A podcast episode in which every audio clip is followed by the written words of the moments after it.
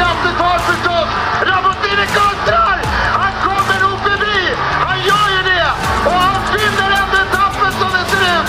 Han vinner ändå! Det är ju helt makalöst! Dette er Gruppo Compato, en podkast fra Sykkelmagasinet med Jarle Fredagsvik og Jonas Lindstrøm. Yes! To uker Tour de France unna gjort, Jarle, og én uke gjenstår. Og vi gikk jo fra å snakke om i forrige episode, på forrige hviledag, om at dette her var Tadej Pogacar og Wout van Aert Show, til nå hatt en uke med kun nye etappevinnere hver eneste dag. Og i tillegg har den gule trøya eh, skiftet eier. Det har skjedd mye i løpet av denne uka. Men fremdeles så er det jo Wout van Aert og Pogacar-show. Det, er jo det, men det er jo flere statister, om du vil kalle det det, som har tatt en mer aktiv birolle i dette showet. Ja, og du har vel ikke truffet helt uh, på din slakt av uh, løypa, og også din påstand om at uh, det ikke er rytterne som bestemmer hvordan etappene skal kjøres, men løypene. Ja, jeg, jeg, jeg, er fortsatt enig med meg selv på den siste, at det er en kombinasjon her som spiller inn. Uh, og jeg mener også at det siste poenget på løypa, som gjaldt tredje uka, da, hvor jeg gjerne skulle hatt litt mer dramatiske åpninger på disse fjell, tre fjelletappene som kommer nå etter, etter hviledagen, det er jeg fortsatt liksom spent på om jeg har et poeng i, og at det kan gjøre rittet litt kjipere enn ellers. Men jeg skal virkelig bøye meg i støvet for tre veldig godt designede sånne eh, om du vil kalle det transportetapper eller mellometapper mellom Alpene og Pyreneene, kall det hva du vil. Det har vært veldig godt designet for eh, å få en kamp mellom de rene spurterne, de spurterne som tåler litt mer juling, og ikke minst utbryterne. Og det har jo gitt oss noen helt ekstreme prestasjoner eh, og nye seierskjærer hver eneste dag. Så jeg føler denne uke to skal vi skal vi legge det opp sånn, Jarl, at vi tar eh, Vi kan jo ta en rask gjennomgang av alle de etappene vi har hatt. Og så kan vi ta og bore oss ned i et par av de som eh, har stått ut litt mer enn de andre.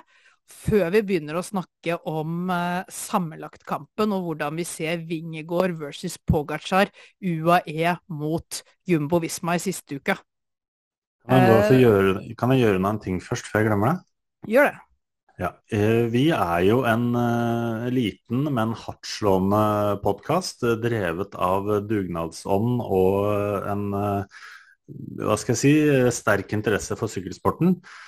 Og etter forrige podkast var jeg ute og spurte ydmykt om noen hadde lyst til å retweete den nye episoden vår på Twitter. For det med den Spre ordet! Ja, da skal vi nå ut til flere brukere av Twitter, og flere skal bli klar over vår podkast.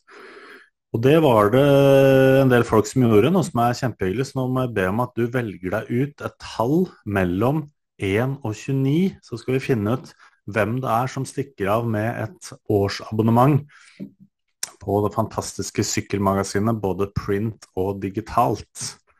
Så hvis du kan velge et tall mellom 1 og 29 nå, så kan vi finne ut hvem det blir. Da tar vi uh, en fire. Tallet fire velger jeg. Ja, det er en som heter Tao Lopez, og han elsker jo sykkel i hvert fall like mye som meg. Så det, han kommer til å bli happy for den uh, lille overraskelsen. Så det hiver vi ut på uh, Twitter-kontoen Gruppe Compato. Den kjenner du sikkert til siden du hører på det her.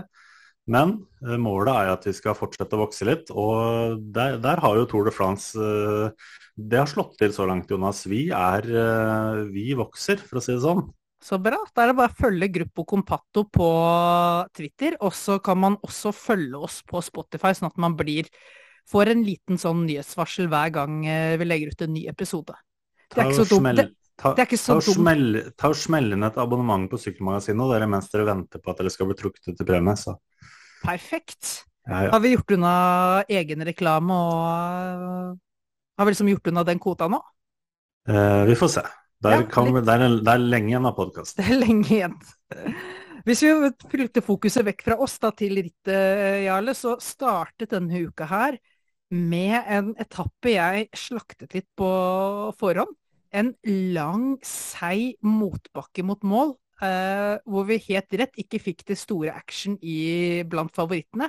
Men vi fikk et brudd hvor det ble en sånn en seigpining av dimensjoner, hvor danske Magnus Kort, som har seigpinet seg selv mer enn alle andre hadde gjort på det tidspunktet i løpet av rittet, han tok jaggu meg etappeseieren sin, så han fikk hele oppvisningen i Danmark.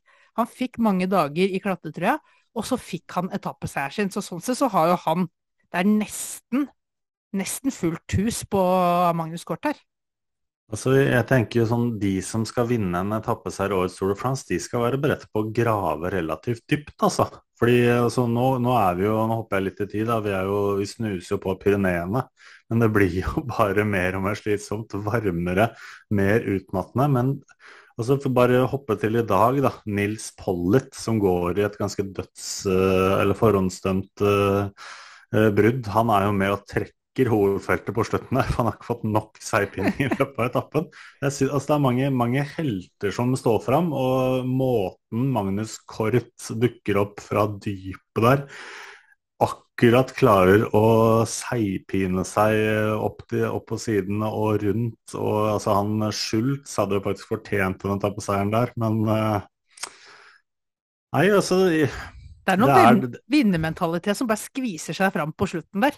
Eh, altså, det, nå... det, er jo den der danske, det danske genet, den danske generasjonen som vi nå kan sitte og være litt misunnelige på. da. Fordi det er jo Vi skulle jo ønske at våre gutter dro litt flere sånne stunt som eh, altså Søren Krag, Magnus Kort, Kasper Askeren og, og flere til på det beste. da. Altså... Det vi fikk det ene året da Hushovd og Edvald vant fra brudd, ikke bare i spurten også det, det, er vel litt det vi savner. Men altså, den seieren til Magnus Kort, Jarle, det er, det er nesten noe sånn der lommetyveri over uh, som du sitter igjen med følelsen av. Jeg tror Scholz følte seg direkte ranet på slutten på en, på en positiv måte. Det var en sånn smugmåte å, snike til seg seieren på som uh, må føles så deilig når han klarer å få slengt den sykkelen foran. Han hadde jo også et kick der, han Schultz, som var helt fantastisk. For han er jo opplagt en bedre klatrer enn han er skurter. spurter. Så han gikk jo all in i forkant der. Altså, men klarer du å skvise bort han der Bornholmeren? Det er jo helt umulig. Det var vel Benjamin Thomas som tok en føring og hjalp Concorden opp i, opp i teten igjen. Men uh, altså, jeg mener jeg leser uh, åttende etappeseier i Grand Tour for Magnus Kort, som jeg eh, utbasunerte at var eh, større enn Boasson Hagen eh, i forkant av årets Tour de France. Så det kan neimen ikke være langt unna. Han, jeg har sagt det tidligere, sier igjen, han er vel noe av det nærmeste, så kan man si Walf van Eit Mathieu van de Poel, men han er noe av det nærmeste kommer et, en enkelrytter som kunne startet for seg selv i en Grand Tour, og uten lagkamerater kunne faktisk stått for en ganske fantastisk tour. Ja, eh, nei, altså, jeg er vilt, vilt, imponert. Vilt er et ord de liker å bruke i Danmark. Ja, jeg vil med han, jeg vil med han, Magnus. Det er bra du begynner å smiske deg inn på danskene etter å ha slakta de etter første uka, så er det virkelig på tide at du smisker deg tilbake igjen i varmen der. Er det mange dansker som hører på Gruppe Compatto, tror du? vi får se, vi får se. Uh, det, jeg, tror de, jeg, tror de, konsumerer det meste som går om sykkel for tiden. For det er jo litt sånn der, Det er jo en selvhyllest til dere selv. En liten eh, rose til Andreas Leknesund nå, da, som var i bruddet der, og som gjorde en veldig eh, fin figur. Altså, gi han der en sånn eh, tre-fire Tour de France-opptrener til, så kommer han også til å smelle inn en feit etappe seg, det er jeg ganske sikker på. Ja, klart. Det var bare det siste kicket der, siste mentale og fysiske evnen til å skvise ut det siste som manglet. Kommer sikkert med litt mer erfaring og litt flere kilometer i bein også. Han hadde vel peila seg ut bakhjulet til Kemna, som uh, veldig mange andre også hadde gjort. da. Men det var jo Leknesund, en eller annen til som jeg ikke husker, og Kemna. De dro til gang på gang på gang og kom seg mm. ikke helt løs. Men altså, Leknesund kom forberedt til en oppgave der, visste egentlig hva han skulle gjøre. Klarte ikke å gjennomføre det fullt ut. Det hadde heller ikke forventa egentlig da i hans første um, Tour de France. Men jeg syns han altså, overall synes han har gjort en kjempefigur. Helt enig. Helt enig. Og det var jo på en måte det var en av de siste mulighetene han fikk for seg selv også, eh, så langt i Tour de France, kanskje til slutt. For etter det så begynte jo Roman Bardet å kjøre seg inn i sammendraget. Og da tenker jeg at da har vi denne etappen til Col du Granon og til Alpe d'Huez. Og jeg tror egentlig ikke vi sier noe særlig om det i denne oppsummeringen her, at vi heller kommer tilbake til det etterpå. For hvis vi først begynner der, så er det en time til vi er på resten av etappene. Så jeg tror vi bare hopper litt sånn glatt over Vingegård og Pitcock-seieren der, kommer tilbake til den. Og så må vi snakke om etappen til Sant Etienne, Jarle. Mats Pedersen Show. Ja, det var mer dansk, ja. Søren også. Nei, ja. Ja, nei, altså Der skjer det jo veldig mye. Jeg husker jo ikke alt. eh, Jeg har ikke stålkontroll på alt nå, men der var det jo et eh, digert brudd som var i ferd med å slite seg løs, og vi hadde Leknesund igjen. Og Edvard. Hagen. Ja, og masse Tour-manager-spirer satt jo her og bare innkasserte fame og poeng, og alt gikk jo etter planen. Og så var det vel da godeste Alpezin Phoenix som uh, dette går ikke vi med på, og veldig imponerende, syns jeg, bare malte tilbake den store gruppa.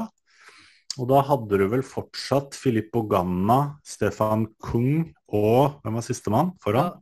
Da hadde Matheo Jorgensen uh, Yes. involvert i bruddet. Uh, etter hvert så fikk de jo med deg Mats Pedersen, eh, Hugo Hull kom opp, Uh, Fred Wright, som har hatt et helt fantastisk Tour de Altså, France. po- poenget mitt var at Ganna, Kung og Jorgensen aldri ble henta inn. Det var den store gruppa bak som ble Ja. hentet inn, og så kom det nye angrep. Og da var jo noen sinte for at Alpezin Phoenix ikke fikk med seg noen der. Men jeg tror de um, i utgangspunktet prøvde å kon skulle kontrollere det her til, eh, til spurt.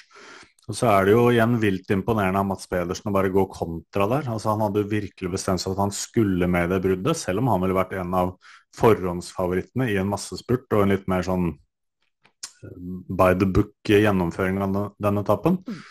Eh, og så ble det jo eh, selvfølgelig et helvetes kjør der, og så var det jo touch and go med Caleb Ewan som velta stygt, og som eh, måtte slippe etter hvert, og da trakk jo Lotto seg tilbake og ville ikke eh, samle der allikevel.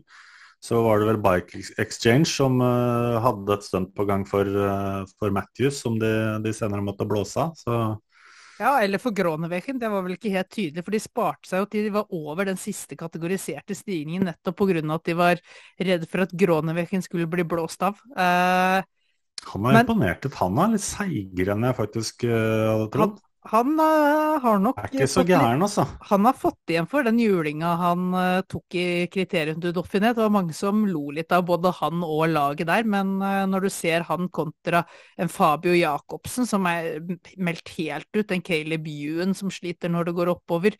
Nei, Kronevekken går som Alexander Kristoff oppover i disse litt kortere bakkene, og det, noe mer enn det kan man ikke forvente av Dylan Kronevekken. Så ble det jo ebba ut med forsøket til uh, Bike Exchange. Det var ingen andre som gikk fram og hjalp til. Det var ikke noe hjelp fra, fra Jumbo Visma. De, skulle, de, de hadde, hadde ikke de Wout van Ert i bruddet der også? Nei, det må ha vært veldig tidlig på tappen. Det må ha vært blant de store. Han øh, var ikke med etter at de begynte å etablere seg, den gruppen. Nei, det var han ikke. Men eh, da ble i hvert fall den eh, kassert, og da skjønner du at vinneren sitter foran der. Og så var jo den bakken som kom der, var jo eh, tyngre enn jeg trodde. Eh, men der velger jo faktisk Mats Pedersen å, å gå til igjen, når du kanskje kunne tenkt at eh, ja, At nå han det jo bare sitte og vente på spurten. Han hadde jo med seg Simmons eh, et godt stykke der, og så kunne han jo stole på egne ferdigheter. Men han ser jo da også at det er jo et par sånne tempodyr i den forsamlinga der. Og skal han sitte og se på at de angriper gang etter gang etter gang, så kan det bli tungt også. Så da tar man jo tyren ved hornet. Men eh, uansett åssen du vrir og vender på det, da, den, eh, den formen og den innstillinga og den råskapen han viser den dagen her. Altså, jeg blei fullstendig slått i bakken, jeg. Du Altså, er en av de som, som disser Mats Pedersen over en lav sko. og Bare Var han vunnet egentlig? Og vinner ikke masse spurter og flopper i klassikerne. Har vel vunnet Gent Wevelgem en gang og blitt verdensmester, men altså Jeg syns Mads Pedersen varierer veldig prestasjoner, men når han er altså ganske stort nivå, fra, eh, stor forskjell fra hans bunnivå til hans toppnivå, men når Mads Pedersen er på toppdag som nå, og presterer altså i Vi har kommet ut da på den eh, 13. etappen, og han kjører det som om det er et endagsritt, som om han ikke har tolv etapper i beina. Og det Mads Pedersen gjør her, er jo at han utnytter eh, noe veldig viktig psykologisk til sin fordel, syns jeg. Eh, og det er klart han må ha fysikken til det, men det som er, Jarl, er at hvis det er én ting som samler oss mennesker, da, så er det en felles fiende.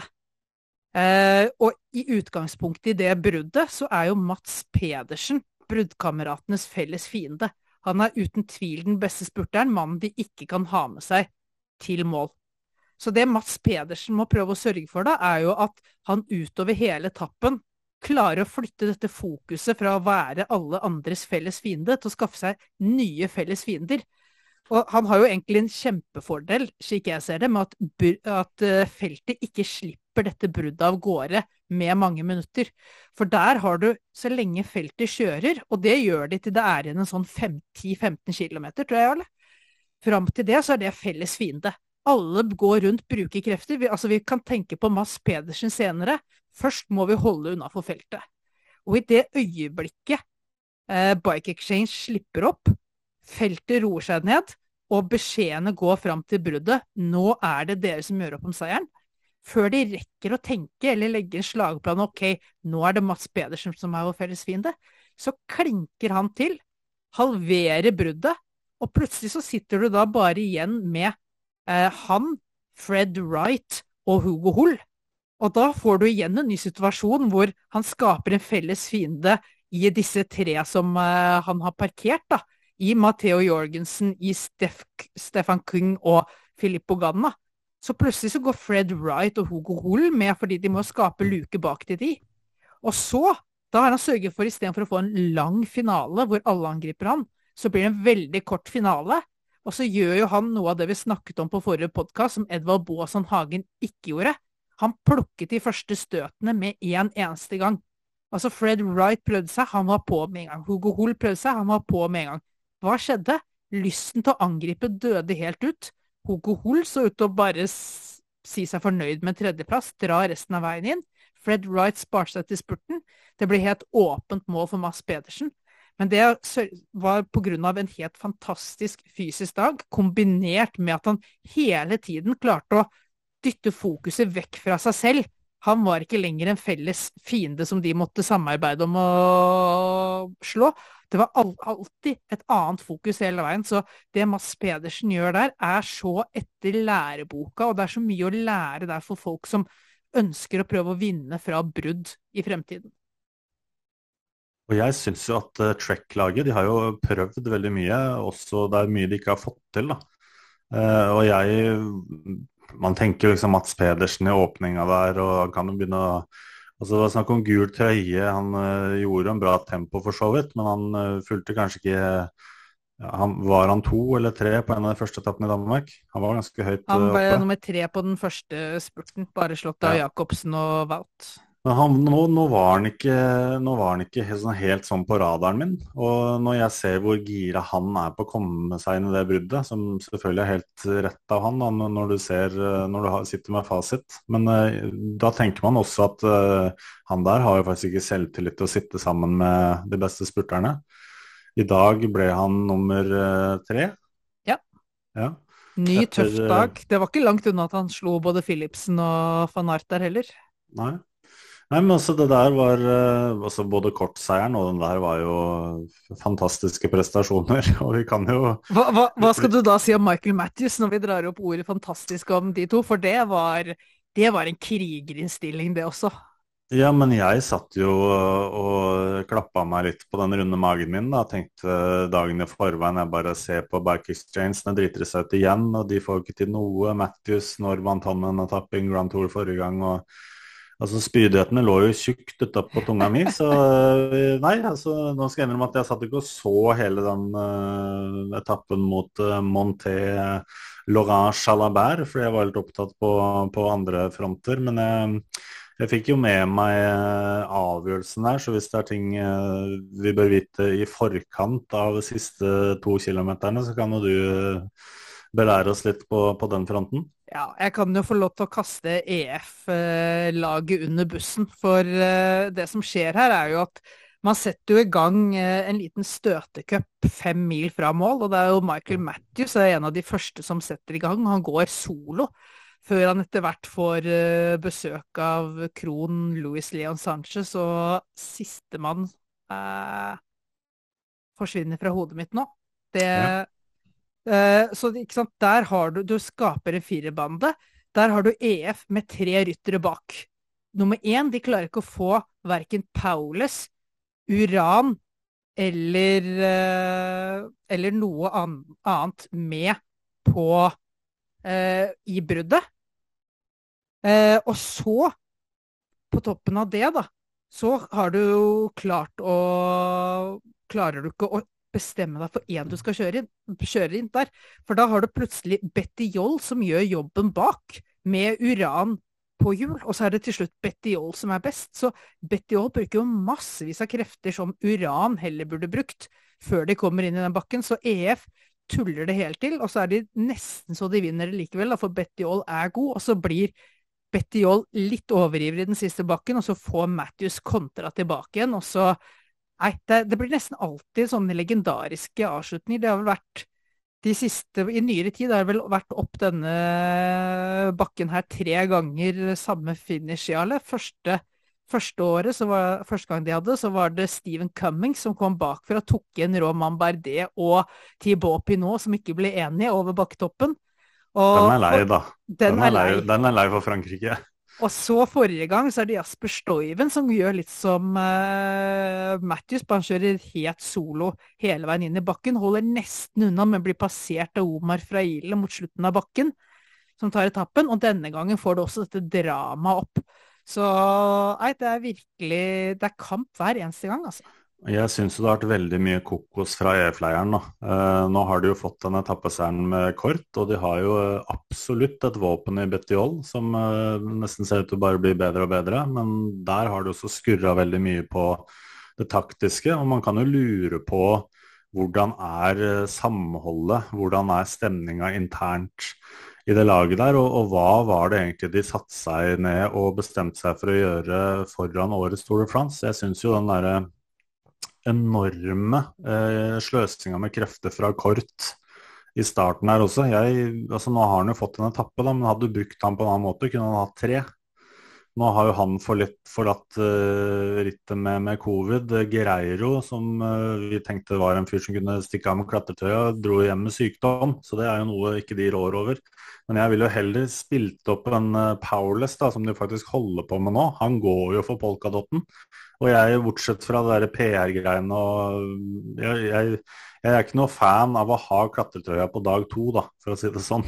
Det er viktigere å ha den inne i Pyreneene. Men det... Jeg bare syns at de har, eh, de, de har, spilt kortene sine merkelig. De har brukt veldig mye krefter. Eh, de har opplagt en Betiol i kalasform. Han har de ennå ikke klart å sette opp i vinnerposisjon. og jeg vet ikke. Er det litt mye sånn eh, Jeg vet ikke. Amerikanere, søramerikanere, så klarer de ikke å, å, å, snakke samme språk? Eller er det han moromannen på toppen der som ikke helt har orden i rekkene, sånn som man Er ikke dette litt klassisk, det laget?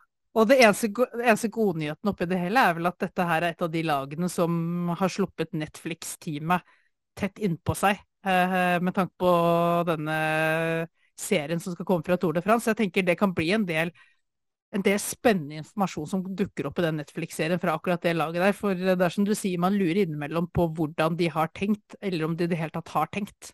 Og i det laget der så har du også typer som Odd Christian Eiking, og så får du Richard Carapaz inn der neste år. Jeg tror det blir mer underholdning fra den kanten. Det blir mye kokker. Men altså, de er jo, mange av de er jo bra, så altså, de trenger ikke å skamme seg over det de har kanskje fått ut av årets Tour de France. Jeg bare ser for meg at de kunne henta så, så, mye mer hvis de ja. hadde vært, vært enda sharpere i planlegging, taktiske avgjørelser, samarbeid. Du har jo også den derre eh, Paulus som nesten endte i gult, og du kjører av Magnus Kort på det siste brosteinstrekket mot Robé. Mens Betty Oll angriper bak i hovedfeltet og setter fart på det. Så det, problemet med EF er vel at de har til enhver tid i overkant mange planer gående. Det tror jeg er det som er det store problemet. De, hold, de har sjelden en plan A, eventuelt en plan B, og så holder de seg til det. Det er en plan A, plan B, plan C, plan D, plan E, og så på et eller annet tidspunkt i løpet av noen etapper så spiller rytterne ut alle planene samtidig, og da blir det litt voldsomt. Det er vel en litt sånn uh, svensk raceledere som kommer til Ayanapa og har uh, 20 17-åringer fra Sverige på tur, og så veit han ikke helt hvem man skal legge inn aksjene på. Det er eh, akkurat det. En ordentlig, en ordentlig gjeng på språkreise. De tar sponsormarketing på alvor i EF Education. iblanda litt Ozo og Hva skal vi til slutt si, si da om dagens etappe, Jarl? Altså siste før uh, hviledagen. Uh, vi, vi hypet jo litt grann opp Jasper Philipsen og de spurtene hans uh, i en tidligere podkast. og det var godt å se da, at han smalt til. Han har sett veldig bra ut og fått, fått lite hjelp i avslutningene tidligere, som vi har vært inne på. Så det passet han egentlig alt i alt ganske godt at det ble en så hard dag hvor det ble spurt fra en redusert gruppe, hvor det egentlig var kun Mats Pedersen som fikk et ordentlig opptrekk på slutten. Så da snek han seg forbi alle. Litt sånn kamikaze inn i siste sving. Fikk den posisjonen han trengte. Dunket forbi. Og hvis du ser det bike-throwet over uh, mållinja der, Jarle Han Yes, har brystkassa på setet! Og da har han sånn fire-fem centimeter å gå på til Mats Pedersen i 60-70 km i timen etter 200 km på en dag med 40 varmegrader. Det er små marginer, og de her er så trygge på sykkelen. Det er helt enormt å se på. Det var deilig å se det kicket hans, faktisk. Altså, nå var det jo heseblesende innen den svingen der, men altså, han er rask, altså. Han minner litt sånn om uh, ung Cavendish. eh, og hyggelig type, da. Eh, Kristoff Kompis, som vi hadde skrevet eh, på nettaviser tidligere. altså Sykla sammen med Alexander Kristoff i, eh, i UAE og forsvant derfra og på en måte tråkka opp en ny løype da, i et lag som har veldig mange spurter om beinet fra før. Tatt og opp kampen nå- med van de Pool og Merlier. Det står respekt av det å ta opp kampen det, altså. og bli førstespurter i Tour de France. Og så skal jo Alpezin Phoenix ha for at de fant en vei ut av det, da. Altså, du kan jo kritisere de for å ha med både den ene og den andre på tur, ikke sant. Mathieu van der Poel funka jo ikke den gangen her. Og det har ikke vært lett å vinne etappeseiere som massespurter i årets Tour de France, eller som spurter. Så Og det er ikke Nei, noe. World Tour-lag. Ikke noe World Tour-lag, og de vinner en etappe igjen. Jeg tror, hva var statistikken? De har vunnet etappe i alle Grand Tourer de har deltatt i. Og det har aldri Ja. vært et World Tour-lag. Det er en rekord som kommer til å bli stående ganske lenge, tror jeg. Og de er et lag som har sklidd litt inn i det der tomrommet etter Bora og Sagaen-epoken som har snakka om tidligere. Altså de du, vi, du så det på den tappen mot Sankt Etienne. Der lykkes det ikke, da. Men de tetter jo denne luka på en fantastisk måte opp til bruddet. Og i, i dag også, så de tar for seg underveis. Og, og nå er det jo GC-lagene som styrer dem mot slutten der, men at de klarer å holde Philipsen inn i gruppa der, at han, og at han har kommet så fresh gjennom rittet fram til nå.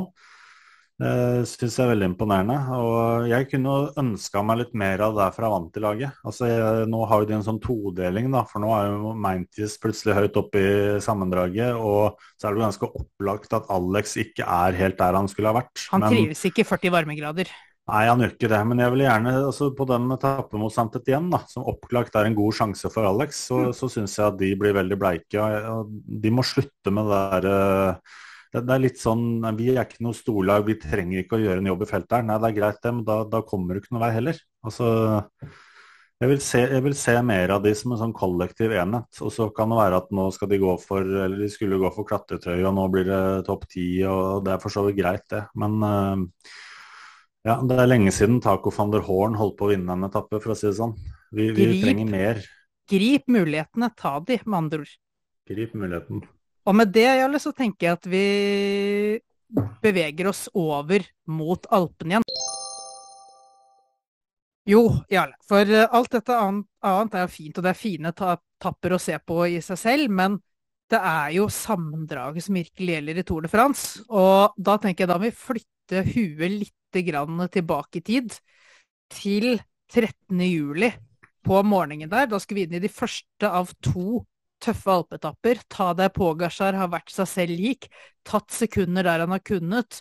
Jumbo Visma har tapt litt på brosteinen med Vingegård, men først og fremst så har de jo fått en smell på Primus Roglic. Han har gått i bakken, og de har mista rundt to og et halvt minutt på han. Men UAE har også begynt å slå sprekker. Vega Stake Langen har fått korona. korona. George Bennett skal etter hvert ryke. Maika skal begynne å kjenne på litt korona. Så det er et svek, litt svekket UAE-lag som øh, man merker at det ta At det kanskje er mulig å utnytte. Og da kommer vi altså til Albertville, til Col de Granot. Eh, og den etappen der blir jo en av de beste fjelletappene vi har sett de siste årene. Kan vi ikke si det? En av de beste Tour de France-etappene vi har sett. Ever. Ja. Ja. Nei, altså, og det som vi snakka om litt eh, Vi fikk jo litt pisk, vi. Fordi eh, vi, eller i hvert fall du, omtalte jo Jonas Vingård som et soleklart tredjevalg i Jumbo Visma-leiren. Yes, en Eh, tredje og- profil som måtte stille seg i kø bak Primus Rogers og Wout van Aert, og måtte på en måte se at deres ønsker hadde vel så høy prioritet som hans egne. Og jeg syns jo det her er en utrolig spennende diskusjon, uten at man kanskje nødvendigvis trenger å rangere de. Men jeg syns også det er eh, Altså det Fram mot denne etappen, da, eh, Galibier Col de Granot, eh, så etterlyste jo vi at nå må Jumbo Visma få ut fingeren og finne ut hvor det er i verden, og samle seg rundt Jonas Vingegaard. Og det som vi snakka om, var jo denne stjernefaktoren. Eh, Dels Primoz Roglic, men spesielt Wout van Aert, eh, som har fått gjøre absolutt som han vil, egentlig hele veien. Men I hvert fall, i hvert fall i åpningsuka. Og da var det jo deilig å se da at de ruller ut en strategi som involverer hele laget, og at den siste patronen i kammeret der skulle være Jonas Vingegård, mann mot mann, som skulle kjøre av Tadej Pogacar opp til Granon. Nå vet jo vi at eh, det fungerte, og da ser det jo ekstra spektakulært ut. Jeg tror ikke det var den måten det skjedde på som de så for seg at, eh, at, eh, at det skulle utvikle seg sånn. Jeg syns nesten så litt dumt ut ja, når Christophe Laporte hoppa ut som troll i eske etter den svinger alt etter telegraf. Yes. Eh, og da det Med selvfølgelig- Galibier og Granon 1. Og det er jo selvfølgelig avtatt spill. Han har jo fått beskjed eh, kom deg i brudd hvis du klarer det. Hvis du husker hva van er. han lå jo i vindskyggen til Christian Prudhomme. Altså det var jo tjuvstart som jeg ikke har sett på, på lenge for å komme seg inn i dagens utbrudd. Det var definitivt, Han var definitivt eh, en viktig del av planen de hadde lagt opp til. Eh, dro jo der i, i partempo med Mathieu van der Poel for å Selvfølgelig også noen spurtpoeng lå der, da, men han skulle være det bruddet. Og jeg tror jo planen var å skyte ut Roglic og se hvordan Pogacar reagerte på det. Men at han skulle forlate sin lest mens han sitter sammen med Rafael Maika, Brandon McNulty og Mark Soler, det trengte han overhodet ikke å gjøre. Nå sitter vi jo med fasiten, nå er jo ikke Roglic med i rittet lenger engang, men han har jo aldri virka kvikk etter eh, den velten han gikk ned på eh, mot Robé. Og jeg tenker at i det store og det hele så er det denne undervurderinga av Vingegård som, som uh, gjør at altså, man er ikke oppmerksomme nok på han og den trusselen han faktisk uh, besitter. Og det store spørsmålet vi har snakka om, om liksom stjernefaktoren og hvem som uh, blir eh, tyngst vekta i jumbovisma. Altså Jeg er fortsatt ikke helt overbevist. Altså det, det rittet her det ruller bare videre, og det er så mye som skjer.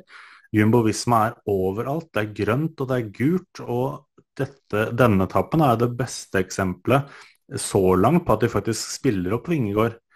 Men også i etterkant av denne etappen her, og underveis i denne etappen her, så skjer det jo ting som gjør at Altså, vi skal i hvert fall diskutere det. Så kan Ja. jo folk være enige med oss eller ikke. Eh, Det, det som skjer her, selvfølgelig, det er jo Men, men Jarle, før før Ja, vi går på ja, ja, akkurat ja. det som skjer, kan jeg stille et spørsmål? For dette her er jo det, det er så lett når man sitter på Twitter og diskuterer i etterpåklokskapens navn. Er dette her Hvis ikke Pogacar hadde knukket på slutten der Hvis altså Rafa Maika var i ferd med å tette luka til Vingegård da han gikk. Hvis han hadde gjort det med en Pogasjar som orket å holde hjulet hans, og så holde unna sammen med Vingegård, eventuelt om han hadde gått ifra Vingegård i siste fjell, hadde vi da sittet og slaktet den taktikken til Jumbo Visva som vi nå skal hylle? Eller var det liksom så gjennomført bra at det hadde blitt sett på, fått et godkjent stempel og bra forsøk, uavhengig av hvordan resultatet hadde blitt? Altså dømmer vi det til briljans og genialitet basert på resultatet det får, eller hadde vi gjort det også uavhengig av, uh, av hvordan det hadde gått opp siste bakke? Nei, også Helt klart på, på resultatet de får, og, og, hvordan kan vi ikke gjøre det? Altså Vingegård sitter jo med Det er jo selve jackpoten. Han sitter med to minutter og 22 mm. sekunder i sammendrag. Det har han fortsatt tilbake på Tadej Pogacar. Og jeg mener jo Det er jo nesten altså en, ren, en ren gave, egentlig fra Pogacar selv. For i den situasjonen eh, som han Altså, han blir trengt opp et hjørne, det er greit nok det, men at at det er liksom Roglic han skal frykte mest av de to fremdeles. Det, det syns jeg er rart. Jeg, jeg, kjenner til pedigreen Roglic har, og en sunn og frisk Roglic er jo selvfølgelig en trussel. Og du har ikke lyst til å bare invitere han opp eh, i sammendraget igjen i det gode selskap uten å, å, å, legge inn en fight, men hvorfor skal du ta den fighten der? Men, og at men, han der, Der får jeg også Nei, legge men, inn her, da, Jarl, at ja. eh, Altså, for det er igjen sånn det, det er sånn, Her må man switche sånn i perspektiver. da, Vi må ha dette etterpåklokskapens perspektiv, og så må vi prøve ja, ja, å ha den nåtidens perspektiv når det er. Og Da kan vi ta den etappen før, da, den som Magnus Kort vant, den seige avslutningen uten at det var veldig hardt. Det var jo en eh, skal vi se, det var en 23 ryttere som satt på samme tid som Pogasjar og Vingegård i hovedfeltet på denne etappen. En av de var Primus Roglic. Så selv om han hadde vært i bakken tapt tid, så hadde han jo Og selv om han var en del plasseringer bak, altså Pogasjar går i mål som nummer 20, Wingegård som nummer 21. Og så har du øh, vår gode mann som kommer inn litt lenger bak i gruppa på 28.-plass. Altså han har en mas Thomas, Yates, Gody, Bardet, Quintana mellom seg, men det er jo gode ryttere, så han viste på et del måter der, så bekreftet han jo i sikkert UAE og Pogasjar sin hode at han fortsatt er en del av bildet. Og Jumbo Visma har jo vært veldig gode til å ikke snakke ned Roglic på forhånd. Det er ofte man begynner å snakke ned og sette litt spørsmålstegn ved egne rytter i media etter en velt, egentlig for å ta bort press fra dem. Men det hadde ikke Jumbo Visma her gjort. De hadde jo holdt kortene veldig eh, tett til brystet. Og Roglic som da går til midtveis på telegraf, da tenker du liksom første av tre store fjell går man virkelig til der uten at man føler seg noenlunde ålreit, iallfall. Og så går du til over toppen av eh, Telegraf igjen. Og da er jo nettopp det du var inne på her, at da kommer Christopher Laporte droppende ned. Og mm. da, da, kommer vi til et momentum Jarle, som jeg syns er litt interessant, og det er noe man ser i idrett, men også noe man kan føle på arbeidsplasser og sånt. Eh, og det er et fenomen som liksom i mangel av et, bed, et godt norsk uttrykk for det uh, for deg, så må jeg bare hente det engelske 'sense of urgency'. Altså, hvem er det idet Roglish går til over bakketoppen? Hvem er det som føler at OK, nå må vi i hvert fall være med? For altså, Mark Soler er med over toppen. Han har mm. gått, fått noe med til sammen med Tirsbenot. Han er mm. der. Joan Thomas sitter bak Henrik Maas og Mark Soler. Joan Thomas merker en sense of urgency. Det skjer et eller annet. Jeg må pokke meg være med. Bedre føre var enn etter snart, om du skal prøve å få inn et norsk uttrykk der. Han tetter luka. Soler og Henrik Maas er ikke interessert i å være med. Eh, og dermed så får du Laporte, som tar egentlig og drar noe som er en ikke-eksisterende luke, over toppen, og skaffer de et halvminutt som gjør at de kan de to, Vingegård og uh, Roglic, kan begynne å angripe Pogasjar. Og da er vel inne på den mentaliteten. Du stilte jo spørsmålet eller før vi startet Tour de France, i den podkasten vår da. Hva, hva, er svakhetene til Tadej Pogasjar? Og jeg startet vel med noen sekunders stillhet og oppsummerte med at det var svakheten, men presset så var det vel det vi kom fram til at det eneste som kan være svakheten hans, er at han kan bli overivrig. Han kan gå med på for mye. Altså, for ta deg på, Gashar, så har ting alltid løst seg. Han har vært god nok til å løse alle situasjoner han har kommet i, uten å tenke noe mer over det. Og UAE har vært heldige å ha en Pogasjar som har løst mye på egen hånd. Så derfor så tror jeg du mangler på en måte en sense of urgency. Det mangla du i UAE-laget. Altså Soler skjønt, oppfattet ikke raskt nok at han måtte med. Maika det samme. Mens eh, Tadej Pogasjar har kanskje i overkant mye sense of urgency da han hopper på absolutt alt. Og her må jeg si at jeg håper ingen norske langrennsløpere så denne etappen her. For ikke dra en gi nå, da. Ja, ja, men på, I langrenn så er jo det å være oppe i 1600 meters høyde, det er jo livsfarlig. Hvor mange ganger har du ikke gjort det? du må passe på å ikke gå på en smell i 1600 meter høyde. Du må åpne rolig og gå deg inn i løpet. Altså Over Telegraf så er vi på 1600 meters høyde, og Jonas Wingegård, Primos Roglic og Tadej Pogasjar de angriper hverandre som om det er gateritt nede ved vannet. Altså ved havplan. Det er helt sinnssykt, det de Altså, det er en helt vilt greie når du tar med høyden i tillegg. Men det er noen ting vi må ha med her. Det ene er, og det vet vi ikke, hva slags interne beskjeder ble gitt i UAE-laget. Og så Som du sier, Soler er faktisk med i den uh, bevegelsen men, men, der. Men de rekker ikke å gi noen beskjed der, gå med eller ikke gå med. Det skjer jo på noen tidels sekund. Der må du ta avgjørelsen som rytter sjøl. Ja da, men litt seinere så kommer Soler opp igjen. Da han ja. angrepet fra gruppa bak. Så det er jo tydelig at det har gått beskjed fra Pogacar. De, de, da har det gått beskjed. Men da, har altså, stress, Stressfaktoren er jo total. Det er jo det, men da har den beskjeden gått etter at de har begynt å angripe han. Det er på en måte for sent. Og det, jeg skjønner ikke Mark Soler. Han sitter og ser Laporte, Roglish, Wingegård og sin egen kaptein Pogasjar. Og det er snakk om 15-20 meters luke. Han tar den ikke. Han går heller ikke på hjul til uh, Geraint Thomas, som tetter den luka. Han kunne fått den luka tettet for seg i ja. nedoverbakke av Geraint Thomas, men han er ikke på. De er men, ikke påskrudd. Men igjen, da. Men igjen, da. Den største feilen er jo Pogacar. Jeg, jeg skjønner ikke hvorfor ja. han på død og liv Altså, det er Roglic. Ja. Han skal på jo. død og liv etter Roglic. Det er greit at det er Tribag. Du sitter her med tre lagkompiser. Jo, og, du kan og la det... han stikke sammen med Laporte. Jeg tror ikke det der var planen. Jeg tror hvis det var en plan, så var det at Laporte og Roglic skulle stikke av gårde og holde yeah. momentum, legge press på, og så skulle de komme seg over Galibier, og der skulle Wout van Ert vente. Og så skal du kjøre dalstrekken ned igjen før du kommer til Granot, Altså det er det er god tid til å hente mye av det her tilbake igjen, men det er jo fullstendig tett i stresskammer. Jeg er helt enig, i alle. Og sett i ettertid så burde man jo det. Og vi har heller ikke sett alt som skjer bak der. etter at disse, også Hvordan blir det kjørt bak der? etter at de, for Det tok jo lang tid før kameraene begynte å fokusere på Pogacar og Roglic og Engen der, faktisk. Men ja. når, når, det skjer så mye der, så må du bare holde eller henge på det, selvfølgelig. Men vi vet jo ikke hvor mye krefter som er brukt bak der. Vi, vi, kan jo anta at det har vært stress når vi ser at Soler kommer opp på slutten der. Det er, det er jo stress i UAE, men det er også stress i Movistar, som har mistet Henrik Maas. Det er stress i efter sjøl, hvor Gody har falt av. De sitter jo med både Storer og Madoa der også, så det er stress hele veien. Men det er igjen De har mangla sense of urgency. Altså, ingen har skjønt ringvirkende at når Roglish går, og det er jo man burde jo liksom lagt sammen én og én når Roglish går. Ok, hva slags type er Tadej Pogasjar? Pogasjar er typen som går etter. Altså, han nøler ikke. Og Wingegård har vært med på alt Pogasjar har gjort hele Tour de France. Det er egentlig ingen overraskelse at de, når først Roglic spilles ut, at alle tre kan havne sammen. Og så tror jeg jo det Tadej Pogasjar gjør, da, Jarle. Og da skal du si han er under angrep, det er varmt, det er 1600 meter over havet og det hele.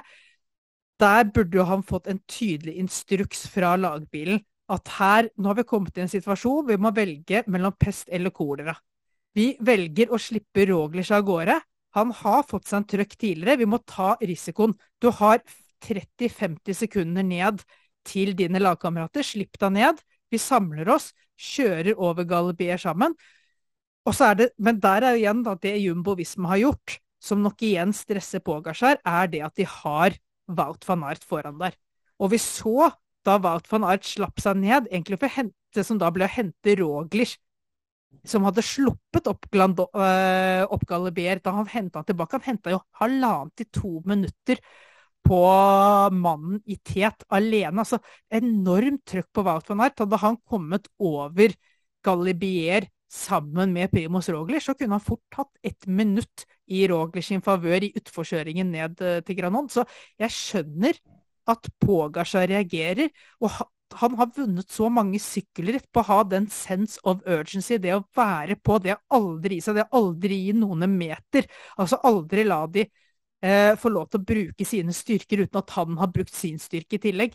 Men i dette øyeblikket her så blir det for mye. Men det ser jo ikke ut som at det er for mye før de kommer inn i siste fjell. Det er jo ikke sånn at vi sitter her, Jarl, og så sier vi at oi, nå kommer vi inn i siste fjell, Pågasjar ser shaken ut. Det er jo egentlig et ganske stort sjokk for de fleste når Vingegård går, Mike er i ferd med å tette luka, og så slipper Pogasjar sin egen lagkamerat. Vi har jo ikke sett Pogasjar sånn noensinne. Jo, det har vi. Når da? Nei, altså du har jo Vento-episoden. Vi har jo sett Vingegård kjøre fra Pogacar tidligere. Vi, vi, har sett han kjøre fra, men, men, vi har ikke sett han klappe sammen. Altså, Én ting er jo at Vingegård kjører fra, men Nairo Quintana stikker. Roman Bardet stikker. Geraint Thomas stikker. Altså, Én ting er at én person eventuelt har en veldig god dag og utfordrer, men her er han jo femte, sjette, sjuende best i den siste stigningen. Så men, dårlig har aldri uh, Tadej Pogasjar vært uh, etter at han Det året han slo gjennom som Tour de France-vinner. Men før vi, kom, før vi, kommer dit, da. altså Den der støtecupen i de slake partiene av Galibier som du kommer inn i etter hvert, det fisler egentlig ut. altså Du bruker krefter. De presser hverandre litt. Det kan hende at det skader deg senere på etappen. Vanskelig å få et godt svar på det. Men en annen ting som er fascinerende, er jo hjelperytterne rundt disse kapteinene. Altså Hele UAE-laget fisler jo bort på Galibier, der, der, er jo Pogacar isolert igjen. Der kommer det nok et støt fra Roglic. Helt riktig, holde trykket oppe selvfølgelig, veldig bra av Jumbo Visma. Og så er det jo Jeg, jeg, jeg føler at um, Pogacar føler at han blir litt sånn hunsa og litt sånn hetsa av at disse gutta driver og angriper gang på gang på flatene. Skal slå sånn tilbake? Sånn, ja, han blir litt sånn såra og blir litt sånn hothead, da. Så, så uh, han svarer jo, når eh, Roglic går, så svarer jo Pogacar og kjører det inn, og så bare holder han trykket oppe.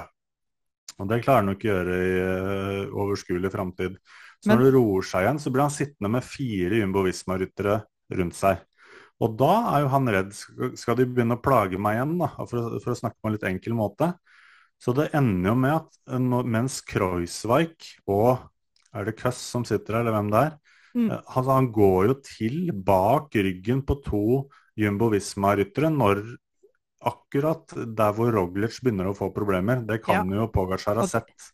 Og det, og det, er jo det er kanskje den delen av eh, Jumbo som ikke var en plan, men som ordna seg bedre enn de kunne drømme om. Det at Rogli skulle slippe, for da ga det plutselig, etter å først å på en måte dytta og plaga denne Pogasha slik barn gjør med andre i skolegården, som føler seg mobba, så ser han plutselig en mulighet til aha, se nå kan jeg slå tilbake, og så blir han så bruker han enda mer krefter der også, så der åpner seg mulighet eh, sånn Altså, det er jo ikke et taktisk grep av Jumbo Visma, det er bare noe som på en måte ender opp som en positiv, eh, heldig konsekvens av det de har satt i gang tidligere. Men der er jo Pogasjar igjen eh, heit, og der er det jo igjen noe med at det må sitte noen bak i den sportsdirektørbilen og så skrike til Pogasjar at vi leder Tour de France. Vi leder Tour de France. Det betyr vi skal forsvare ledelsen. Vi skal ikke ut her og prøve å ydmyke våre konkurrenter enda en gang. Det funket i fjor, men i år er det for risikabelt. Og det er noe som burde bli sagt når man så hvor god Vingegård og Roglic var i fellesskap i Dauphiné. Så burde man allerede før Tour de France snakket med Pogasjar om at skal vi vinne i år, så er ikke det sikkert at vi skal gjøre det på samme måten som i fjor. Vi må være smarte, utnytte muligheten, ja, men vi må også ha litt is i topplokket når det, når det, begynner å rase rundt oss. Og det var jo null is i det topplokket der. Det hadde jo vært greit hvis målgangen var på toppen av Galibiet, men det var den jo ikke. Pogacar kjører jo en helt rå stigning, så han er jo bra. Han er i form, det er jo ikke det. Men han roer jo ikke ned før det kanskje er en kilometer til toppen. Det, det han unngår for så vidt, da, det er å bli slått kontra på av Ingegård. For ja. det kunne jo også vært et ledd i strategien, for du han, har jo fortsatt van Aert foran der. Ja, så han utsetter jo Han utsetter på en måte den Han sørger for at det blir en duell opp siste fjell, og det er jo igjen I hans hode så har han jo aldri omtrent trapt en sånn duell. Ikke med masse, i hvert fall. Men du spurte jo i stad om Jumbo Visma om vi, skal liksom, om vi hadde genierklært eller slakta han altså, Ja, ja, for- for- ut, fra utfallet ble. Men der har du jo et annet moment da, med, med van Art som stopper opp for å hente opp Roglic, som er en Ja. helt merkelig avgjørelse. For han henter ikke bare opp henter opp Rafael Maika. Så hvis Rafael Maika hadde klart å tette den luka til Vingård, og Pogacar hadde hatt mer igjen i sikringsboksen Hadde vi ikke da Altså, sagt der- at det var kjempeidiotisk? Jo, altså er, jo, det er jo det punktet hvor hele dagsverket Jumbovisma har lagt ned, står og skjelver. Ja, for er det ikke da de på en måte trykker på reset-button? At det er sånn der istedenfor å Altså, det er ikke bare snakk om å legge maskinen i dvale, det er snakk om å omstarte hele saken. For Walt van Aert kunne sluppet seg ned til Vingegård, og så bare satt trøkk på der. Og sørget for at liksom opprettholde trykket på Pogacar inn i siste bakken, og fått en mann-mot-mann-duell hvor Pogacar har brukt mer krefter enn Vingegård. Men de, da tar du igjen liksom mot til seg å samle hele laget og gå på en ny offensiv i bunnen av Granon. Så eh, det er jo en her, og dette er jo det som er sykkeljalet, og det er det man må forstå når man sitter og analyserer og diskuterer taktikk, er jo at én ting er jo på en måte en strategi som legges ut på forhånd av en etappe, og så er det jo disse valgene, de taktiske manøverne som gjøres underveis av, i etappen, basert på den effekten du har fått av strategien du har lagt på forhånd. Så det er en, en sånn taktikk i et sykkelritt på en sykkeletappe som dette er, det er jo en sum av hva du koker sammen på forhånd, og hvordan du reagerer på de utfallene som dukker opp underveis. Så jeg vil jo si at jeg, kanskje var Jumbo Visma sin strategi, planen på forhånd, bedre enn valgene de tok underveis i reaksjon på hvordan det ble. Jeg er ikke sikker på at det var riktig at Wout van Aert hentet opp Roglic. Altså, I ettertid kan vi si at det hadde jo i hvert fall ikke noe, spilte ikke noe rolle. De vant jo to og et halvt minutt, så de ville nok ikke endre på det hvis de hadde mulighet igjen. Men strategien i starten var bunnsolid. De utnyttet lagstyrken, og så fikk de Så vil jeg også si da, Jarl, at det var et når vi snakker om fotballkamper, så snakker vi ofte om gunstige tidspunkt å score på. Altså det er veldig gunstig å score rett før pause eller rett etter pause for å på en måte ta litt mot av motstanderen. Og hvis det var én dag det var gunstig å sette Pogacar på plass, så var det jo i en av de to hardeste etappene i Tour de France, hvor den andre hardeste etappen kom dagen etter. For på Alpe d'Huez så så vi jo en forsiktighet. Altså det er jo egentlig etappen hvor UAE burde, og Pogacar burde prøvd å slå tilbake. Det var det, deres, den tøffeste etappen som gjensto av rittet. Deres beste forsøk på en måte ta og karre tilbake en tid. Men da ble jo de defensive, noe som kanskje er naturlig etter å ha opplevd det de gjorde dagen før. UAE tok jo ikke en føring før Pogacar prøvde noen angrep på slutten. Men de trengte jo å bruke den etappen til å bygge opp i en selvtillit både i laget og for Pogasjar. Så de slo nesten to fluer i én smekk her i Jumbo Visma. De satte på plass Pogasjar på dag én, og så tok de og sørge for at han sto litt i skammekroken og med lua i hånda på dag to oppe på Toyes. Og dermed kom de ut av Alpene på en helt fantastisk måte. Nå er jeg veldig sånn etterpåklok, da. Men hvis du ser på liksom eh, pest eller kolera, da, og gi Roglic halvannen til to, eller kanskje tre minutter, eh, og invitere han tilbake til sammendraget, eller å ende opp med å tape to minutter og 22 sekunder til Jonas Ingaard, hva velger du? Ja, Altså, men jeg er helt enig, I, I rest men- my case, Altså, Det, Og det, og det som hadde vært veldig interessant, det er så worst case som du får det. det det kan veldig, ikke gå så mye verre. det hadde vært veldig interessant om Pogacar hadde tatt våre tips her, da. For da hadde vi jo igjen denne diskusjonen. Men kan Ja, men- vi men- slå men- oss på brystkassa med det, da? Ja, ja, men hør her da, Jølle. Altså, se, se for deg at han hadde latt Roglers gå. Gitt denne diskusjonen vi hadde om hierarki i Jumbo Visma. Det hadde vært veldig interessant å se hva de hadde gjort, om de da hadde brukt alle Wout van Art sine krefter på å trekke Primus Rogler, som da egentlig skulle være lokkedua, eller Mm. om de hadde spart noen krefter på Vingegård som kom bak. For da kunne det plutselig igjen sett ut som at Wingegård kanskje var litt sånn tredjevalg som da skulle være mann-opppasser av Pogasjar, mens Roglic i kombinasjon med Wout van Art prøvde å skape noe igjen. Så igjen, ikke sant. Og det, der brukte jo der brukte jo Jumbo Visma dette litt sånn flytende hierarkiet til sin fordel, da, og forvirre Pogasjar så han ikke helt skjønte det. Men eh, det vært det var interessant sånn som det spilte seg ut, og det hadde vært veldig interessant også å få lov til å spille av den etappen på nytt. Og gi tydeligere beskjed til Pogasjar om å følge en annen taktikk. Det hadde vært utrolig spennende å se hva utfallet av den etappen hadde vært hvis han hadde gjort andre valg. Du snakka jo om dagen etter og UAE som litt sånn såra dyr. Men jeg vil jo si at de var jo såra inn mot den etappen der også. Du nevnte jo George Bennett. Bennett du nevnte. Du nevnte Stake Laengen. Og hvis vi nå hopper litt framover i tid igjen, da, så, Mm. så er jo nå Jumbo Visma i en tilsvarende situasjon. Primoz Roglic eh, sto av. Hvorfor altså, sto han av? Han Var starta det- ikke dagens etappe. Jeg, jeg, jeg føler ikke at vi trenger å jazze den så veldig. Altså, hva, Men- altså enten men- så, men- det, det vi kan si, da, Jarle, at enten så har Ja, han men de, de svarene har vi ikke.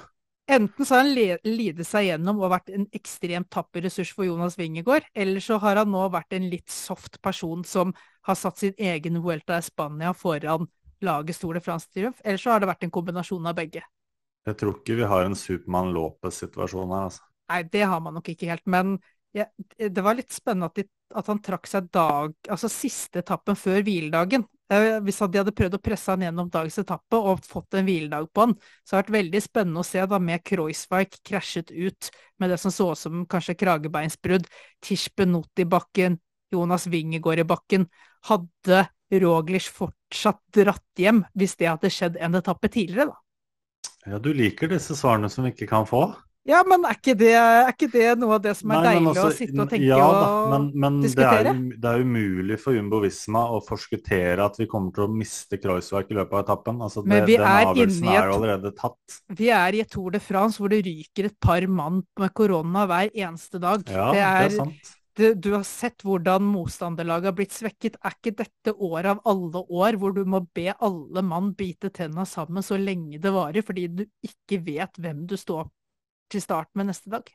Men altså, noen ganger så syns jeg vi tar litt for lett på jumboisme også. Altså, det er lett å harselere. Altså, det høres ut som de er et omreisende Movis der, sånn som vi snakker om det innimellom. Men altså, vi latterliggjorde kneskaden til Wout van Aert i forkant av, eh, av Det traff vi litt med. Det, det, hæ?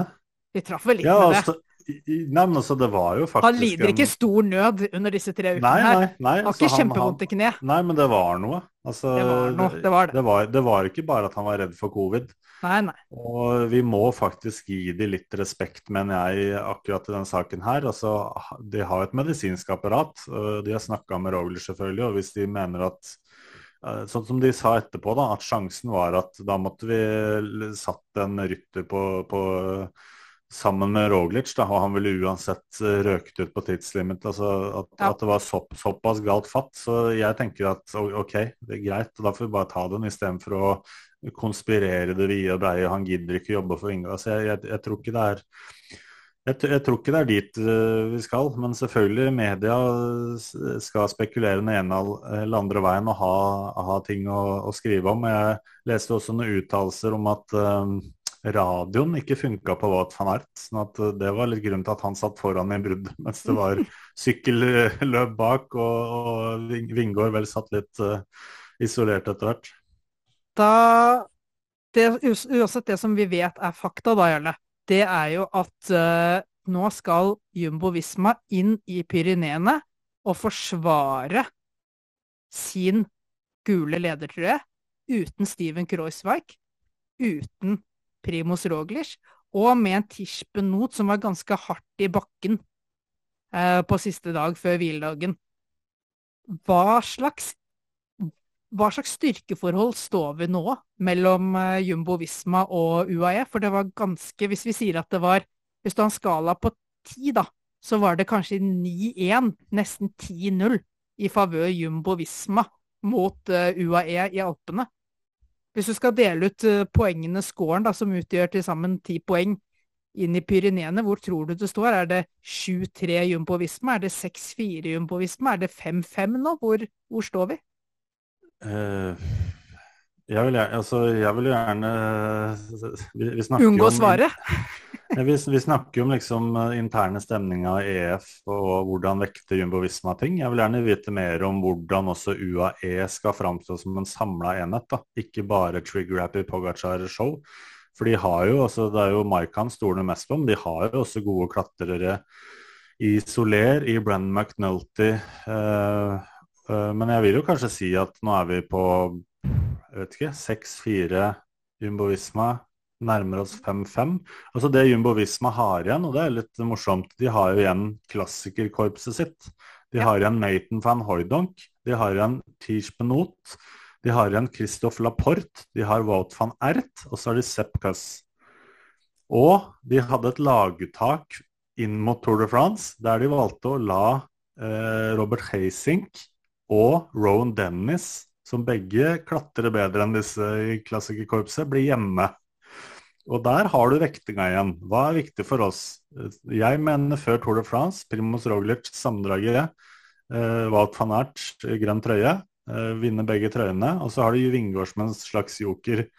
Og nå er det et, eh, et skadeskutt eh, lag rundt Vingegård. Altså nå er det frikortet til van Ert er jo eh, inndratt for de neste etappene. Men så kan han jo bruke dem på den avsluttende tempoen. Han kan bruke det i, i Paris. Så han får jo sine sjanser, han. Men, og, det, og, det, skal sies at det, det, får vi legge til med mye trykk på her, det gjelder at Wout van Art fremstår jo ikke som om Det fremstår ikke som en mann som har sløst med kreftene. For selv om han er i brudd hele tiden og offensiv, det er jo ikke en eneste dag han ikke har gjort et fantastisk lagarbeid Eh, hvor han ikke har kunnet svare dagen etter å ha vært i brudd med en fantastisk hjelperytterprestasjon. Han har vært der hver eneste dag til tross for alle de kreftene han har brukt. Og hvis han er det Nå, nå blir jo han Det er på en måte det Wingegård vinner, da. At han vinner ytterligere eh, At Wout er knyttet ytterligere til han. Mindre frihet nå. Og sånn sett så har han måte si at han har, han har tapt Kreuzberg og Roglic, men han har kanskje vunnet enda en van Art da, på en måte på sitt lag, for nå har han han 100 ved sin side. Eh, så det blir spennende, men vi var, har vært innpå det. og Jarle, disse Pyreneene det er eh, ganske lette fem-seks mil på disse etappene her, så det blir jo ikke sånt fyrverkeri med støtecup før vi kommer på andre halvdel av etappene. Så jeg tror vi kommer til å få et ganske ganske klassisk scenario hvor UAE og Jumbo Visma, avhengig av hvem som på en måte føler at de har dagen og er i angrepsposisjon, kommer til å sette opp høyt tempo for sin kaptein. Og så får vi en mann-mot-mann-duell mellom Tadej Pogasjar og Jonas Wingegård. Og jeg tror Tadej Pogasjar er den typen som, som trives med det. Altså Han ønsker å bli satt opp mann mot mann mot Jonas Wingegård og se om han kan knekke han, mer enn at han Eh, ønsker at de setter opp et eller annet taktisk mesterspill eller et eller annet. Ok, De må kanskje begynne å sende en mann eller noe sånt, prøve å få av gårde morgenbruddet for å kunne bidra litt, men jeg tror først og fremst Tadej Pogasjar er ivrig etter å få tre etapper på rad nå, hvor han kan angripe Vingegård mann mot mann. Og i worst case, hvis ikke det funker, så har han vunnet Tour de France på tempo nest siste dag tidligere, han. Så da går han vel på med de siste fire milene med frisk mot og prøver seg igjen. Jeg tror det, det, som er greia nå, er at nå er det jo så åpent som det har vært noen gang. Eh, og dette må jo først og fremst være veldig inspirerende, tenker jeg, da, for Ineos, som vi har et program med, De har et eh, fullt lag igjen. De har oh, tre ryttere. De har tre, de har tre ryttere topp ti. Jeg er så skuffet over dem. Ja, eh, og UAE som nå har muligheten til å, slå tilbake. Jeg tror ikke det hjelper liksom å sitte og se på løypa, den profilen er sånn og den er sånn. fordi her kan det skje rundt hver eneste sving. Mm. Det kan gå velt, som vi så i dag. Eh, I dag var det også de Ineos leita jo etter eh, sidevindspartier. Klarte ikke å kapitalisere det, men nå er det liksom nå er nesten hver eneste kilometer kan bli avgjørende. Uh, og jeg vil jo ha litt sånn taktisk mesterspill. Jeg vil ha rytter i brudd. Ha, så da får du sørge for at du har to rytter i det bruddet tidlig, og så får du angripe litt sånn som Imboisma gjorde. Da får du angripe tidligere på etappen. Jeg vet at det kan være vanskelig å få han og han i bruddet, men da må du legge en plan for det. da. Fordi nå ser de at det kollektivet her er faktisk mulig å knekke. Ja, og det, og det, er jo i hvert fall er prisgitt å ha noen ryttere og noen lag som har den tankegangen at, all, at uh, man skal prøve å plukke opp alle muligheter som dukker underveis. Vi er langt fra Team Sky-æraen, hvor vi egentlig bare satt og ventet på siste fjell og satset på at noe skulle skje. En annen ting som er underspilt, som jeg gjentar eh, fra tid til annen, det er jo dette med å være i gul trøye. Mm. Jeg leste i dag, så pressekonferansen etterpå ble avrunda etter to spørsmål. Og det går jo på varme, utslitte ryttere. Vingård har vært i bakken. Men uansett, nå har han hatt den trøya siden eh, Granot. Eh, hver eneste dag så skal han være tilgjengelig for eh, broadcast, altså TV-rettighetshavere. Han skal stille på den internasjonale pressekonferansen som ble kort i dag. Han skal til dopingprøve, han skal til podiumseremoni.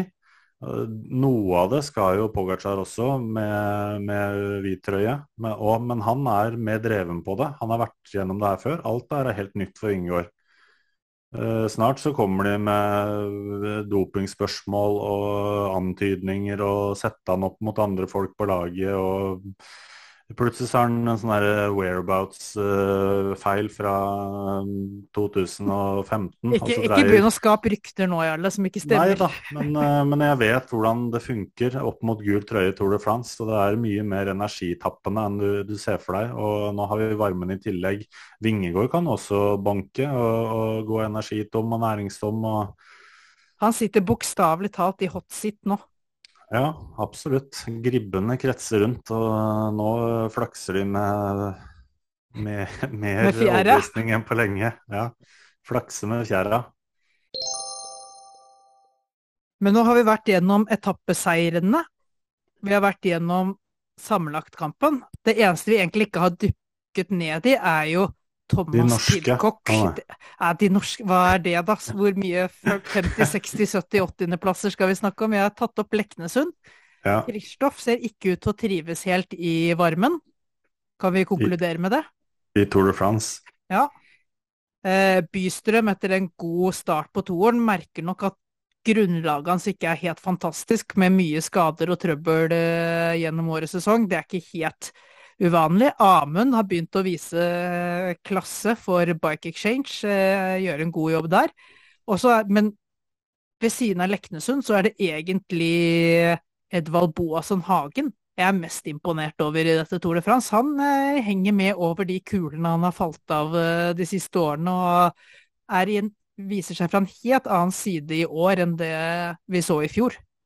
Du har jo Amund og Edvald som hjelperyttere, så det er jo ikke det man først og fremst eh, skriver hjem om på postkortet. Nei, men, men de gjør, gjør, det de skal, så Godt stempel. Men inni oss, er det også et lag som gjør som de skal?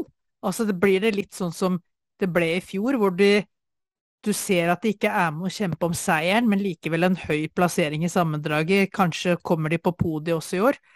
Og så begynner de å jakte litt etappeseiere rundt. Er er det egentlig litt status quo på Injos på hvor de er i år, kontra hvor de var i fjor, da de hadde Carapaz i den posisjonen hvor Jerry Thomas er i år? Det spørs litt hva fokuset er, og det er vel fristende å tro at nå uh, henger de rundt der for å sikre seg en plass på podiet og stikke hjem. Men har det da kommet noe videre fra i fjor? Nei da, men vi, vi, kan jo håpe at de liksom finner i seg selv at uh, vi er faktisk åtte mann her, selv om uh, hva heter han, colombianeren som har Dani Martinez har vært altså, Han burde jo vært på, vært på Ibiza, ikke Roglic som utgangspunktet. Men, uh... Men uh, han er i ferd med å finne seg seg litt. igjen. Jeg tror faktisk han kan gjøre det ålreit i Pyreneene. Så har du en Castro Vieco som har vært syk. Uh, langt under det han pleier å være. En Dylan van Barle som jeg syns har vært en blek utgave av seg selv. Og så har du en Filippo Ganna som har vært ålreit, han. Altså, det, er ikke, det, er ikke, så mye å trekke, men han har ikke vært så spektakulær. Han var ikke i nærheten av å vinne åpningstempoen. Uh, han falt gjennom da han kom i brudd underveis. Det har liksom ikke vært noe spektakulært fra han heller. Så har du en Adam Yates som har vært akkurat ikke god nok. En Jane Thomas som har vært overraskende bra. Og så har du jo eh, det en, kanskje det eneste krydderet i posen, i Ineos-posen i årets Tour de France. Og han brukte jo Alp d'Huez-etappen, da, den eneste etappen vi ikke har snakket grundig om nå, Jarle, til å vise fram hvem han er. Thomas Pidcock. Det fins ikke mange ryttere som er mer spennende enn han i det feltet der. Vi har vel snakka litt om disse, hvem vi tror av disse klassikertyperne, klassikertypene som kunne gått lengst i en eh, Grand Tour uh, på lengre sikt. Uh, eller vi snakka vel om hvem som kunne vinne alle momentene. Var det, det var det vi snakket om, ja. Ja. Men hvis vi, skal, hvis vi, skal, ta tilsvarende, altså Wout van Ert kan jo komme seg ganske langt i en Grand Tour, han, sånn som han holder på. Men jeg vil jo si at Pidcock framstår jo eh, komplett. Det har han gjort ganske lenge. Jeg visste ikke at han var så rå til å kjøre utfor. Det var fantastisk å se på. Det tyngdepunktet, det lave tyngdepunktet, forbikjøring på ytteren i sving når du nærmer deg 100 km i timen, helt vilt. Det er sånn litt, litt moment som jeg har mot Roglic òg, da. Fordi han er ikke den fødte sykkelrytter. Og det eh, er jo egentlig ikke Joanne Thomas heller. Men, nei, men altså, du blir ikke, du ikke overraska når disse går i asfalten. Fordi altså, når begynte Pidcock å sykle, og når begynte Wout van Ert å gjøre det, og når begynte Roglic å gjøre det? Altså, der er det jo himmel og hav i forskjell. Så ja, men uh, helt enig. Pidcock, uh, altså, han er det verdt å vente på. da. Hvis, altså, du klarte ikke å få en Tour de France-vinner ut av Boasson Hagen, men uh, det er sikkert mulig å, å, få det ut av det det Tom Pidcock i, i Ineos-traktene. Det som, er, det som, er, verdt å nevne her, det er at jeg syns det blir ofte litt underkommunisert med Pidcock, fordi det er så mye fokus på at han er olympisk mester eh, på terrengsykkel. Han er verdensmester på cyclocross. Eh, og han har gjort det mye bra Paris-Roubais og sånt til junior.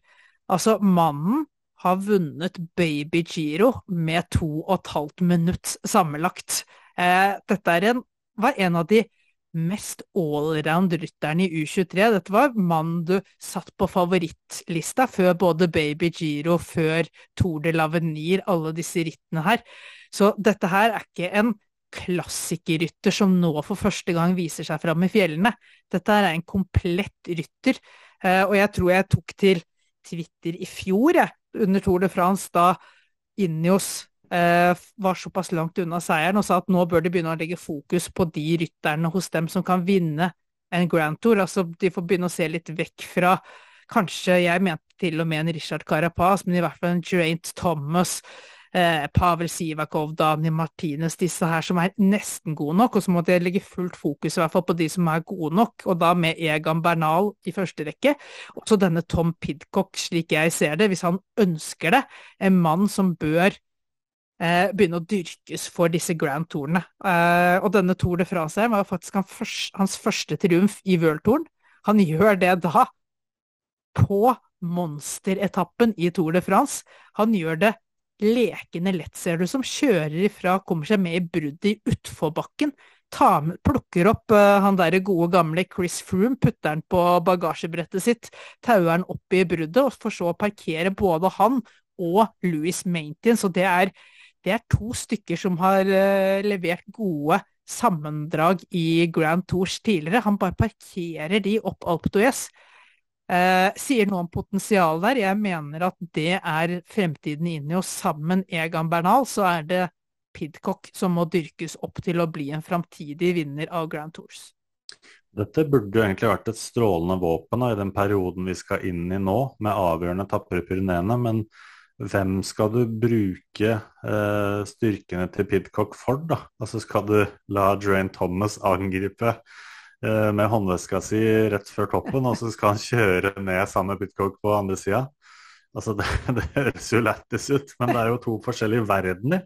Så jeg, mener at det, det, er noen mangler på det innholdslaget som du har vært inne på. Adam Yates er ikke bra nok. Du trenger du trenger en mer potent trussel sammen med Joanne Thomas. Joanne Thomas kan sitte der nå og forsvare inn en topp tre-plassering. Det er helt supert. Han har gjort det fantastisk Tour de France. Har nesten ikke gjort noe feil, bortsett fra den vesten han glemte å ta av seg. Men, men, det er noen mangler der. Og det er mange ryttere og et bra kollektiv, men det er ikke bra nok. Du har ikke rytteren som kan utfordre Pogacar og Vingegård på det de er best på. For tenk, som du er inne på akkurat hvilken posisjon de er inne i Pyreneene. Altså, de er åtte mann igjen, som du sier, tre stykker topp ti. Og du har et UAE og et Jumbo Visma som begynner å eh, revne litt i kantene, da begge lag. Det hadde jo, I utgangspunktet så sitter de jo i De kunne ikke drømt om å sitte i en så mye bedre posisjon når de først er i en angrepsposisjon enn det de er i nå, men Men da, ja, du er helt inne på det. Det er i våpenet. Altså, Adam Yates han, han, mangler et eller annet som Simon Yates har. Altså, Simon Yates kunne vært Han kunne hatt en sånn outstanding dag hvor han kunne gått tidlig og satt skikkelig press på. Vi ser ikke for oss at Adamis gjør det.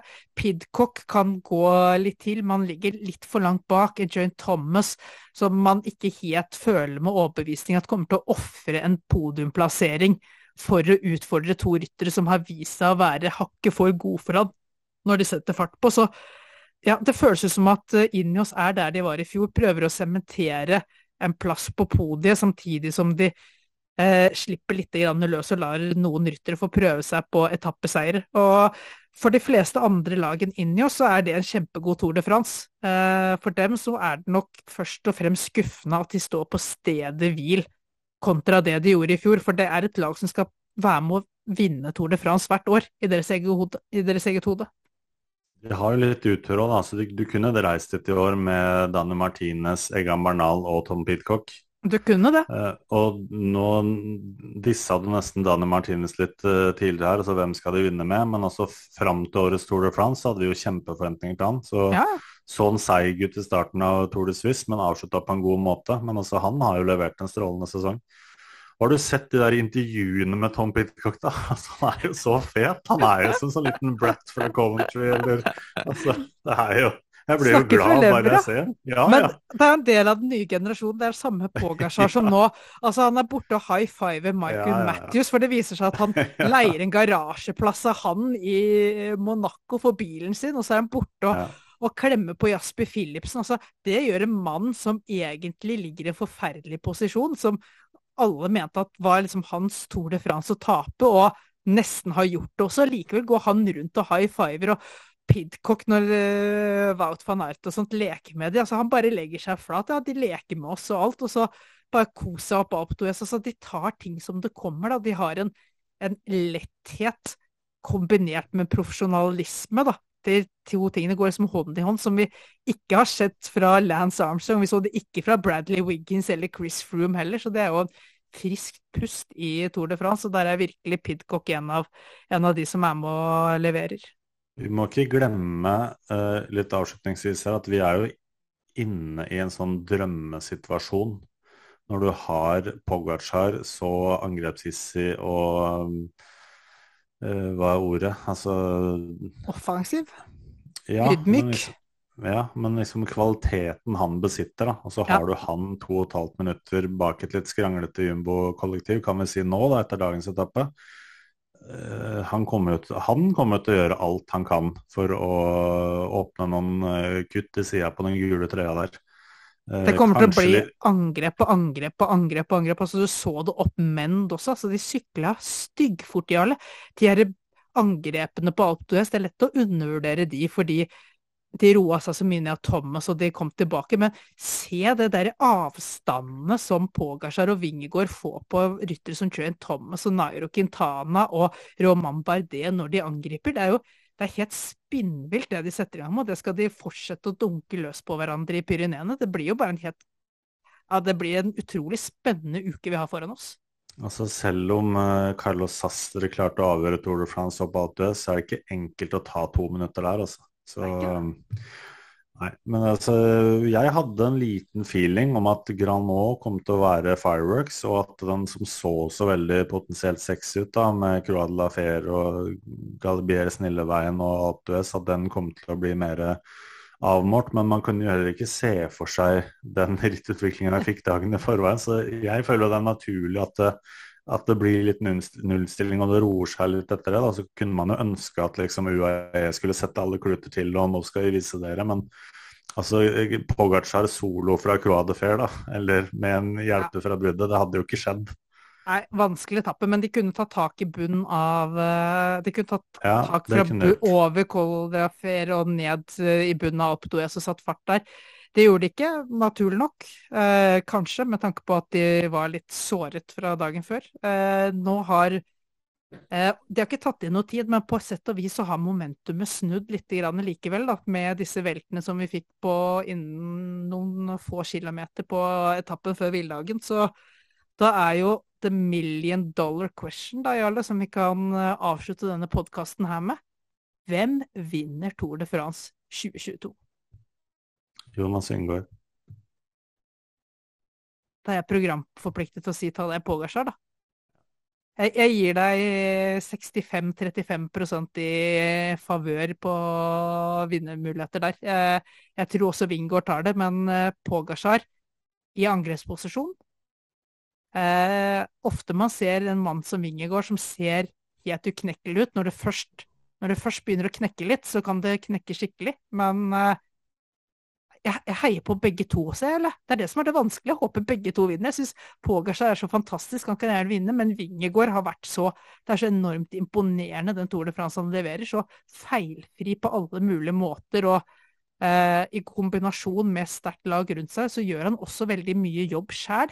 Er med på alt og Nei, jeg syns begge to fortjener å vinne Tour de France, så utrolig spennende blir det. Men eh, da får du Wingegård, og så får jeg stå på Pogacar, og så får vi se hvem som drar det hjem til, det hjem til slutt. Det er bare én dårlig dag som skal til. Det er én dag med litt uh, slurv med, med, vann eller mat, eller uh, at det skjer noe uforutsett, eller at du havner bak en velt, eller altså og, og været... Ingenting er avgjort, det er det som er så deilig. Og forhåndsfavoritten min var Tadej Pogacar, og jeg mente det også etter den etappen på Granå, men put to the spot, da, så var det litt rart å sitte her og si at nei, eh, han roter bort to minutter og 22 sekunder på Altså, Selvfølgelig han kan tape, tape et minutt på den tempoen, og da er det jo ikke så mye igjen. Selvfølgelig kan Pogacar klare å skrape det forspranget tilbake, men det skal også gjøres, da. Det er det det skal. Altså, en viktig faktor som jeg tenkte jeg skulle nevne her også, mot slutten, at uh, det blir ikke et det blir ikke et enormt værskille, men det er meldt betydelig eh, roligere hete, om det er et uttrykk, i Pyreneene enn det vi har sett de siste dagene. Og jeg har en følelse av at jo, jo mindre varmt og jo mindre sol det blir, jo nærmere begynner vi å spille dette her i favør Tadej Pogacar. Wingegård er ekstremt god i ekstrem hete, så jeg tror nok at uh, Pogacar og teamet kommer til å følge litt med på værmeldingene framover og håpe skulle det dukke opp et par regnbyger i Pyreneene, at det satt stor pris på det, og temperaturer som er nærmere 25 og 30 grader enn 35 og 40 grader, det kommer han nok til å få.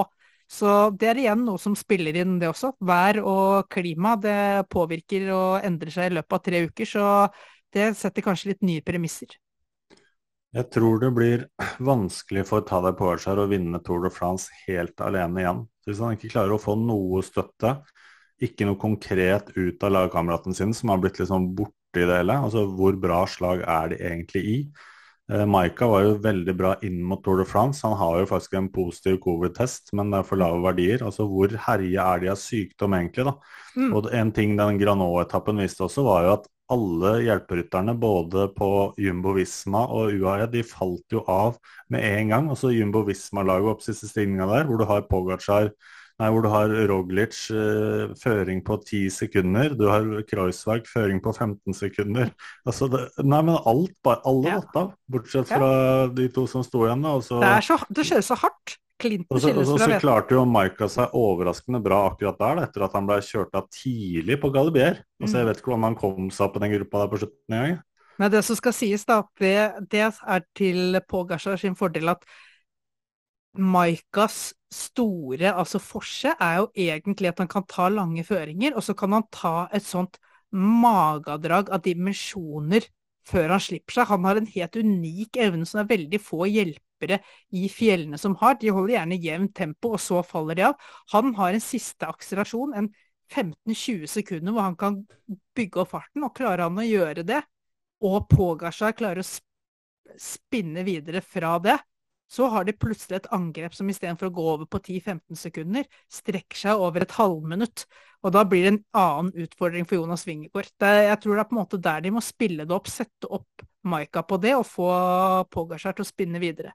Og så vil bare tiden vise om uh, det er nok til å knekke Wingård, eller om det blir dansk triumf i Tour de France. Og Tour de Denmark bare ruller som en sånt rødt rød tråd gjennom disse tre ukene fra starten i København til podiet på Paris. Det hadde jo på sett og vis vært en, en deilig Hollywood-innpakning, det også.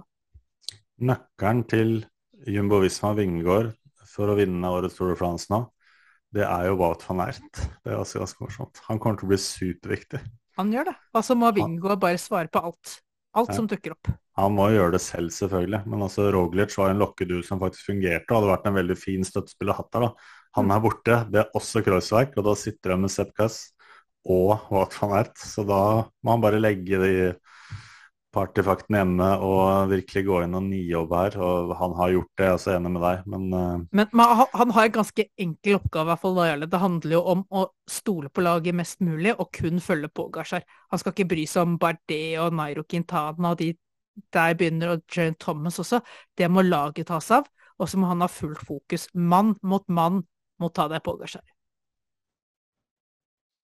Skal vi runde av med det, eller? Blei det Gruppo Combato. Gratulerer til Tao Lopez, som får deilig årsabonnement på, for Sykkelmagasinet. Han er heldig.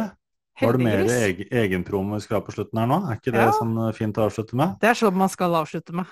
Følg oss på Instagram, Snapchat, TikTok. Ikke, ikke kaste ting vi ikke har, eller følg oss på Twitter og abonner på Spotify, så har du kommet en lang vei.